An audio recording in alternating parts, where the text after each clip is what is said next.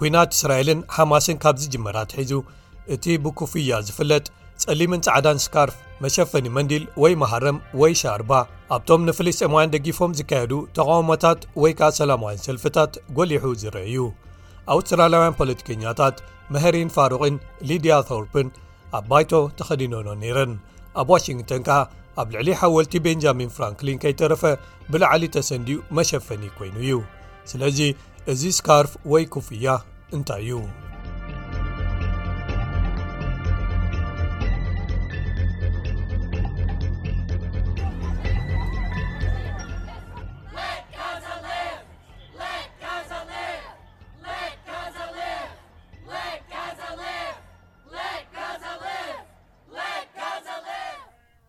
ኣብ ዝሓለፈ ወርሒ ብፍላይ ኣብ ኣውስትራልያን ኣብ መላእ ዓለምን ኣብ ዝካየዱ ዝነበሩ ንፍልስጤማውያን ዝድግፉ ሰልፍታት ወይ ተቓውሞታት ጸሊምን ጻዕዳን ስካርፍ ኣዝዩ ጐሊሑ ተራእዩ እዩ ዝተፈላለየ ሕብርን ጥልፍን ከም ቀይሕን ጻዕዳን ወይ ጻዕዳ ጥራይ ዘለዎ እዩ ኣብ ዙርያ ክሳድና ኣብ ልዕሊ ርእስና ወይ ኣብ ገጽና ተጠቕሊሉ ክልበስ ይኽእል እቲ ስካርፍ ብፍልስጤማውያን ክፍያ ተባሂሉ ዝፍለጥ ኮይኑ ካብ ምጅማር ኲናት እስራኤልን ሓማስን ንብዙሓት ምልክት ተቓውሞን ናጽነትን ፍልስጤማውያን ኮይኑ ኣሎ ኣብ መላእ ዓለም ብዙሓት ሰልፈኛታት ከም ናይ ምትሕግጋዝ ኣርማ ወይ ተግባር ገይሮም ይለብስዎ ዶክተር ኣናሲቕታይት መምህር ኣብ ማእከል ንዓረባውን እስላማውን መጽናዕትታት ኣብ ኣውስትራልያ ናሽናል ዩኒቨርሲቲ እዩ ንሱ እዚ ክፉያ ንድሕሪት ንዘመናት ተመሊሱ ዝኸይድ ምስ ፍልስጤማዊ መንነት ዓሚቕ ምትእስሳር ኣለዎ ይብል ርዱእ እዩ፣ ኩፍያ ሓደ ካብቶም ኣዝዮም ተለለይቲ ምልክታት ህዝቢ ፍልስጤም እዩ፣ ብመንጽር ቅርስታትን ባህልን ከምኡውን ብመንጽር ዘለውዎ መዋጥር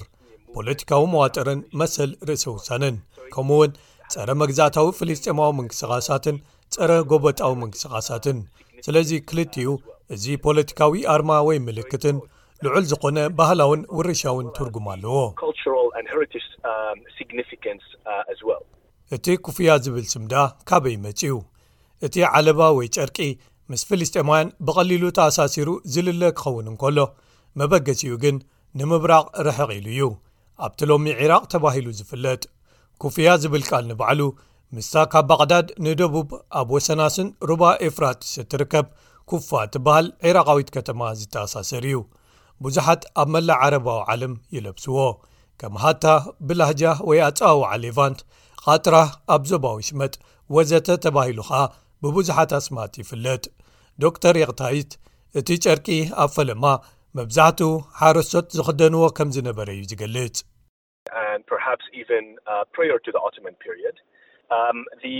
ምናልባት ቅድሚ ዘመነ ኦቶማን እውን ከይተረፈ እዚ ኩፍያ ንመብዛሕቱ እቲ ኣብ መላእ ሓውሲ ደሴት ዓረብን ኣብ መላእ ዓረባዊ ዓለምን ምስ ዝልበስ ኣከዳድና እውን ይመስል እዩ ኣብቲ ኣዝዩ መባእታዊ ደረጅኡ ግን ርድእዩ እቲ ጥቕሙ ካብ ፀሓይን ካብ ልዕሊ መጠን ዝኾነ ንፋስን ንምክልኻል እዩ ነቶም ሓረሶት ብቐንዱ ኣብ ግራውቶም ይጽመዱ ወይ ይሰርሑ ስለ ዝነበሩ ካብዚታት ይከላኸለሎም። ኣብ 1936 ኣብ ግዜቲ ኣንጻር ብሪጣንያዊ መግዛእቲ ዝካየድ ዝነበረ ዓረባዊ ናዕቢ'ዩ ኩፍያ ህቡብነት ወይ ሰፊሕ ተፈታውነት ክረክብ ዝጀመረ።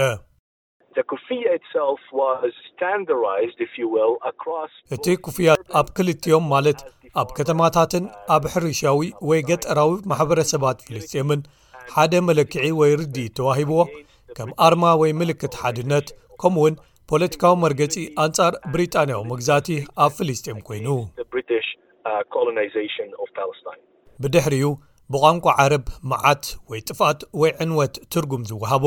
ናቕባ ኣጋጢሙ ወይ ተኸሲቱ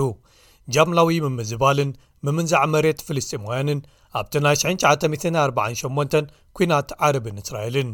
ሃገረ እስራኤል ድሕሪ ካልኣይ ኲናት ዓለም ተመስሪታ ኣብ 960ታት ከኣ ምንቅስቓስ ተቓውሞ ፍልስጥኤም ተጠናኺሩ ኩፍያ ምግባር እምበኣር ንህዝቢ ፍልስጥኤም ምልክት ተቓውሞም ኮይኑ በቲ ናብ ግሎባዊ ተዓዛቢ ዓለም ነቲ ኩፍያ ህቡብ ንኽኸውን ዝሓገዘ ናይ ሽዑ መራሒ ፍልስጥኤም ዝነበረ ያሲር ዓራፋት ተሓጊዙ ማለት እዩ ኣብ 994 ንውድብ ሓርነት ፍልስጥኤም መሪሑ ምስ መንግስቲ እስራኤል ናይ ሰላም ስምምዕ ዘብጽሐ ያሲር ዓራፋት ሓባራዊ ተዓዋቲ ስልማት ኖቤል ሰላም ነይሩ ካብ 9996 ክሳብቲ ዝዓረፈሉ 206 ከኣ ፕሬዚደንት በዓል መዚ ፍልስጤም ነይሩ ኣብ ብምሉኡ እቲ መራሒ ፍልስጤም ዝነበረሉ እዋን መብዛሕትኡ ግዜ ኩፍያ ይገብር ወይ ይኽደን ነይሩ ገሊኦም ነታ ኣብ ቅድሚት ዘላ ጫፍ ንካርታ ፍልስጤም ክትመስል ወይ ክትውክል ስሉስ ኩርንዓዊ ቅርፂ ዘለዎ ቅዲ የትሕዛ ነይሩ ይብሉ ስለዚ እቲ ቅዲ ወይ ዲዛይን ናይታ ኩፍያ እንታይ እዩ? ምሁራት፣ ጥልፍን ቅዲን ናይታ ኩፍያ ንባህሊ ፍልስጤም ምስላዊ ትርጕም ኣለዎ ይብሉ። እቶም ኣብ ወሰናስኑ ዝርከቡ ጸለምቲ ቈጽልታት ንቈጽሊ ኣውሊዕ ዝውክሉ ዀይኖም ንጽንዓት፣ ሓይልን ትብዓትን ይውክሉ። እቲ ቅዲ መርበብ መግፈፊ ዓሳ ንማእከላይ ባሕርን ነቶም መነባብሮኦም ኣብ ምግፋፍ ዓሳ ዝምርኮስ ፍልስጤማውያንን የመልክት እቲ ሮጊድ መስመር ወይ ሕንጻጽ ነቶም በቲ ከባቢ ዝሓለፉ መስመራት ንግዲ ኣነጺሩ የቐምጥ ንነዊሕ ታሪኽ ንግዲ ጉዕዞን ባህላዊ ምልውዋጥን ዘመልክት እዩ ኣብ እዋን ኩናት እቲ ሻርባ ወይ ስካርፍ ምግባሩ ፖለቲካዊ ትርጉም ወይ መልእኽቲ ይሃልዎ እምበር ሃብታም ታሪኽ ኩፍያ ክዝንጋዕ የብሉን ይብል ዶር ይቕታይት